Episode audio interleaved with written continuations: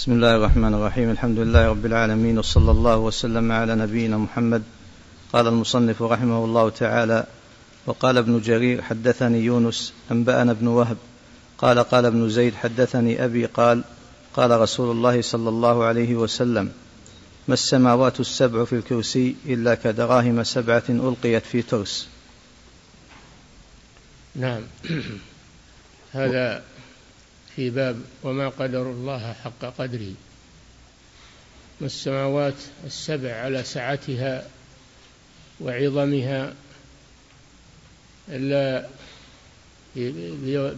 بالنسبة للكرسي بالنسبة للكرسي إلا كسبعة دراهم ألقيت في ترس. ترس هو الصحن. فإذا وضعت سبعة دراهم في صحن في صحن كبير انظر نسبة هذه الدراهم إلى سعة الصحن. هذا مثال للتقريب وإلا فالأمر أعظم من ذلك. لكن هذا للتقريب للأفهام. ولهذا قال جل وعلا وسع كرسيه السماوات والأرض. هذا تفسير للآية. وسع كرسيه. السماوات والأرض. الكرسي أعظم من السماوات والأرض على عظم السماوات السبع والأراضين السبع. الكرسي أعظم منها. والعرش أعظم من الكرسي. كحلقة الكرسي بالنسبة للعرش كحلقة ألقيت في أرض فلات. إيش تكون نسبة الحلقة؟ لأرض الفلاة الواسع. هذا أيضا من باب التقريب بضرب المثل وإلا فالأمر أعظم من ذلك. المخلوقات عظيمة ولا يحيط بها إلا خالقها سبحانه وتعالى. نعم. وقال قال أبو ذر رضي الله عنه سمعت رسول الله صلى الله عليه وسلم يقول ما الكرسي في العرش إلا كحلقة من حديد ألقيت بين ظهري فلاة من الأرض. نعم. وعن, وعن ابن مسعود رضي الله تعالى عنه قال بين السماء الدنيا والتي تليها خمسمائة عام وبين مسافات بين الأرض وبين السماء والمسافات بين السماوات بعضها مع بعض وكثف كل سماء ما هي بطبقة رقيقة أو طبقة طبقة كثيفة خمسمائة عام. والمسافة بينها وبين الأخرى خمسمائة عام سبع سماوات. ثم فوق السماوات الكرسي ثم فوق الكرسي البحر ثم فوق البحر العرش. والله جل وعلا فوق العرش.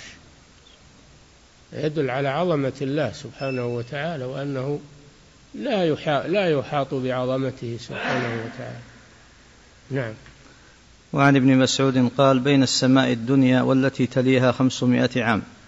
خمسمائة عام للراحلة. نعم. وبين كل سماء وسماء خمسمائة عام. نعم. وبين السماء السابعة والكرسي خمسمائة عام. نعم. وبين الكرسي والماء خمسمائة عام. كان عرشه على الماء. هذا الماء بحر. نعم. والعرش فوق الماء. العرش فوق الماء وكان عرشه على الماء على هذا البحر الذي فوق الكرسي. خمسمائة عام هذا البحر. عرضه أو, أو سمكه خمسمائة عام. نعم. والله فوق العرش. الله فوق العرش. هذا يدل على عظمة الله عز وجل وأنه أعظم من كل شيء. وأن هذه المخلوقات بالنسبة إليه كلا شيء كما سبق ما السماوات السبع والأراضين في كف في كف الرحمن إلا كخردلة في يد أحدكم. هذه المخلوقات كلها في كف الرحمن مثل الخردة يدل على عظمة الله سبحانه. ما تصور المشركون وما تصور المعطلة من الجهمية والمعتزلة والأشاعرة والماتوريدية ما ما تصوروا عظمة الله حين أنكروا أسماءه وصفاته حينما تكلموا في قضاء الله وقدره حينما تكلموا في القرآن والسنة على حسب عقولهم التي هي ضعيفة. ما قدروا الله حق قدره ما عرفوا عظمة الله سبحانه وتعالى. نعم. والله فوق العرش لا يخفى عليه شيء من أعمالكم. والله جل وعلا فوق العرش استوى على العرش. هذا في سبع آيات من القرآن. استوى على العرش وهو العلي العظيم فوق مخلوقاته سبحانه وتعالى. أين الذين يقولون الله في كل مكان؟ ما نزه الله حتى عن الحشوش والحمامات قبحهم الله. يقولون الله في كل مكان. أين الذين يقولون الله ليس له مكان؟ لا داخل العالم ولا خارج العالم ولا فوق ولا تحت ولا يمنى ولا يسرى ولا ولا. كلام ما يقوله إلا إلا أسفه المجانين. يتكلمون في الله عز وجل في حق الله بغير علم والعياذ بالله. أين هم؟ ما قدروا الله حق قدره. نعم. والله فوق العرش لا يخفى عليه شيء من أعمالكم. هو فوق العرش فوق المخلوقات ويعلم ما في السماوات وما في الأرض. لا يخفى عليه شيء. إن الله لا يخفى عليه شيء في الأرض ولا في السماء. فلا تظن أنه إذا كان فوق العرش في في العلو أنه لا يعلم ما يكون في الأرض.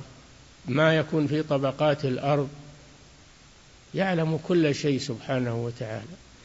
وهذه المخلوقات بالنسبة له كلا شيء محيط بها ويعلم ما فيها وهو الذي يدبرها وهو الذي يعلمها سبحانه وتعالى.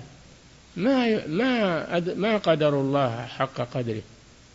حين جحدوا أن الله يعلم ما في السماوات وما في الأرض جحدوا العلم جحدوا الكلام قالوا والله لا يتكلم.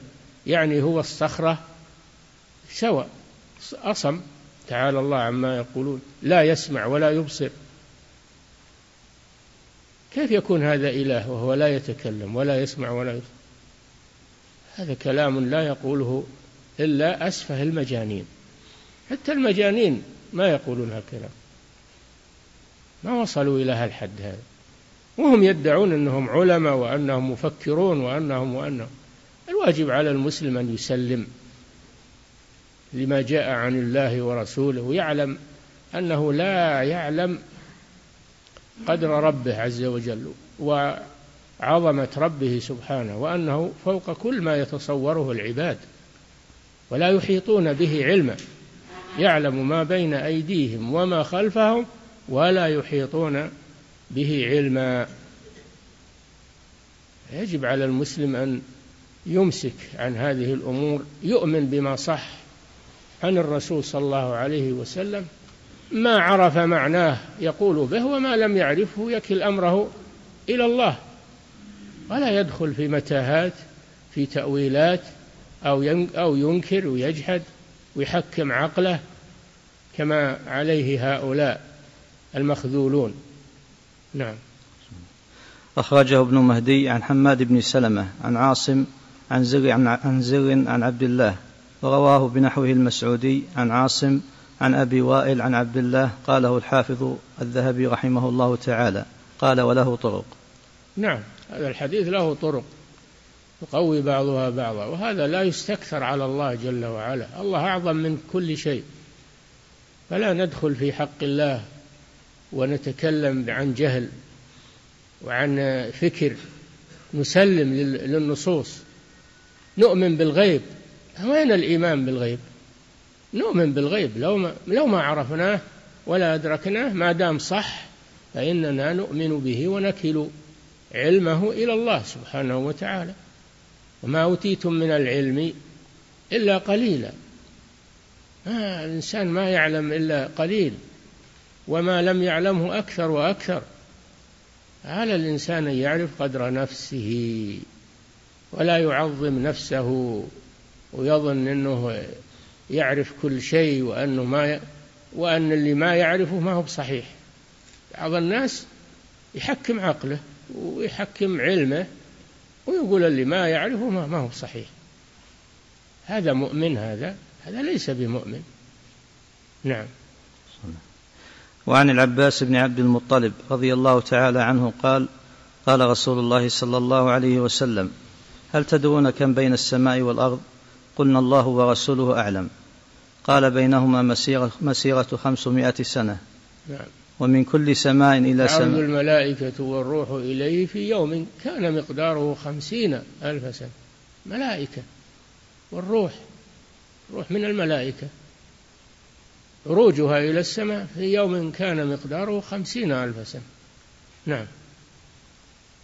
قال مسافة بين مسافة عظيمة. نعم. قال رسول الله صلى الله عليه وسلم هل تدرون كم بين السماء والأرض؟ قلنا الله ورسوله أعلم. قال بينهما مسيرة خمسمائة سنة. نعم. ومن كل سماء القرآن. تعرج الملائكة والروح إليه في يوم كان مقداره خمسين ألف سنة. ويعطيها الله من القوة ما تخترق به هذه الأجواء البعيدة بسرعة. نعم. ومن كل سماء إلى سماء مسيرة خمسمائة سنة. كما سبق نعم. وكثف كل سماء مسيرة خمسمائة سنة. كثف كل سماء يعني سمكة سمك السماء. ما هي بطبقة رقيقة أو شفافة أو كثيفة. خمسمائة عام. نعم. وبين السماء السابعة والعرش بحر بين أسفله وأعلاه كما بين السماء والأرض. وكان عرشه على الماء. نعم. والله تعالى فوق ذلك. والله فوق مخلوقاته عال على خلقه وعلمه في كل مكان وهو في السماء وفوق العرش وفوق المخلوقات وعلمه في كل مكان لا يخلو منه مكان. لا يخفى عليه شيء. نعم. والله تعالى فوق ذلك وليس يخفى عليه شيء من أعمال بني آدم. أخرجه أبو داود وغيره. لا يخفى عليه شيء من أعمالنا. يعلمها سبحانه ويراها ويسمعها. لا يخفى عليه شيء من أمورنا من أمورنا أمور خلقه. نعم. فيه مسائل. الأول. الحاصل أن هذا كتاب عظيم كتاب التوحيد. والله إنه كتاب عظيم. من أوله إلى آخره. ختمه بهذا الباب العظيم. الذي يشتمل على كل ما في الكتاب. كل ما في الكتاب فهو من تقدير الله حق قدره. من إقرار التوحيد بأنواعه الثلاثة. والنهي عن الشرك. والتحذير من الشرك المضاد للتوحيد. كل الكتاب حول هذا فهو يبين عظمة الله عز وجل وأن من خالف أن من خالف ما جاء في الكتاب والسنة بحق الله فإنه لم يقدر الله حق قدره. من راح يحكم عقله وتفكيره أو يقلد فلان وعلان ويتوقف فيما جاء في الكتاب والسنة أو يؤوله أو يحرفه أنه ما قدر الله حق قدره. هذه قاعدة عظيمة. فهذا الباب ختام لهذا الكتاب العظيم المبارك. فجزاه الله عن الإسلام والمسلمين خيرا. وبهذا انتهى هذا الكتاب ويكون الدرس القادم إن شاء الله في كشف الشبهات. لأن كشف الشبهات ضروري لأن هذا التوحيد أورد عليه شبهات من المشركين والقبوريين. لا بد من كشفها وبيان بطلانها. فكتاب التوحيد وكشف الشبهات ضروريان لكل مسلم أن يقرأهما وأن يتمعن فيهما. نعم. فيه مسائل الأولى تفسير قول الله تعالى والأرض جميعا قبضته يوم القيامة.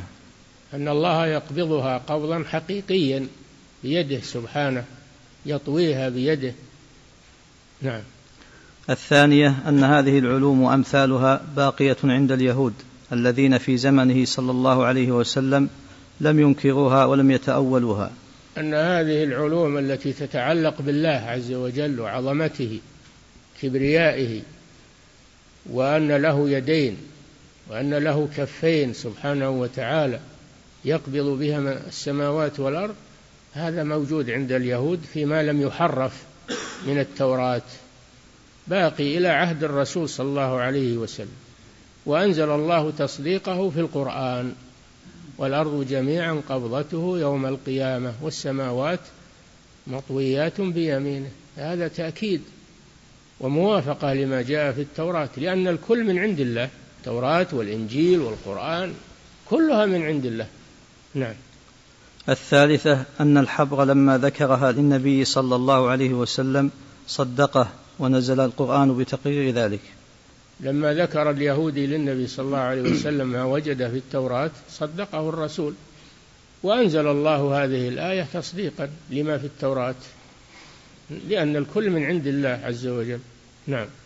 الرابعة وقوع الضحك من رسول الله صلى الله عليه وسلم لما ذكر الحبر هذا العلم العظيم. الرسول ضحك سرورا وفرحا بهذا حيث أنه وافق ما ما في القرآن ما التوراة وافقت ما في القرآن.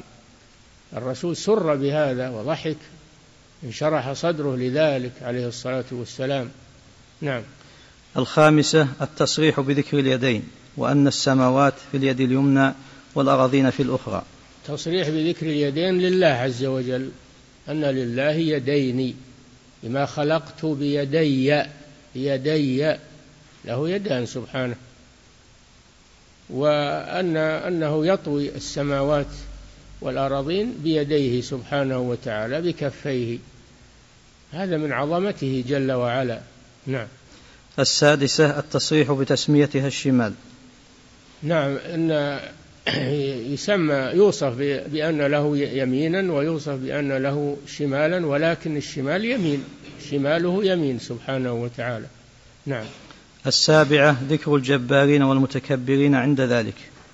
نعم أن الله يتحدى في هذا اليوم يتحدى الملوك والجبابرة والطغاة المتكبرين يتحداهم ويقول أين ملوك الأرض؟ أين الملوك؟ أين الجبارون؟